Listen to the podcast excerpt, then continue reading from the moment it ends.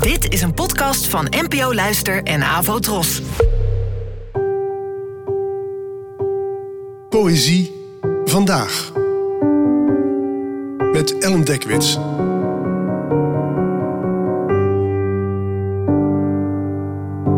Hallo, fijn dat je luistert. Het gedicht van vandaag heet De Veiligheid en werd geschreven door de Nederlandse dichteres Esther Jansma, geboren in 1958. De Veiligheid. Een huis dat overeind blijft, zegt iemand, begint met ruimte voor de jassen en laarzen, waarna je plavuizen over moet naar een keuken met boerenblauwe kasten. De nachtblik van een fietser strijkt langs het plafond.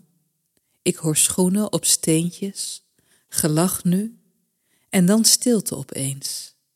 Geen hakken, geen lachen. Misschien staan ze te zoenen. Ze stopt.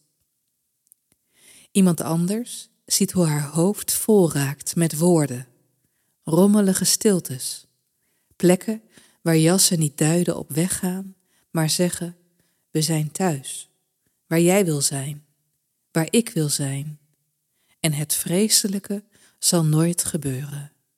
Nooit hier stort het dak in, legt de nacht ons in as. De laatste jaren is in het publieke debat het begrip veiligheid toch in een uh, speciaal daglicht komen te staan. Want hoe ben je veilig voor, ik zeg maar wat, crisis, klimaatverandering, aanslagen of ziekte?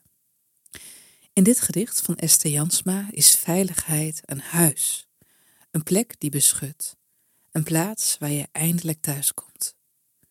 Buiten zijn andere mensen die gelukkig geen bedreiging vormen die misschien zelfs staan te zoenen.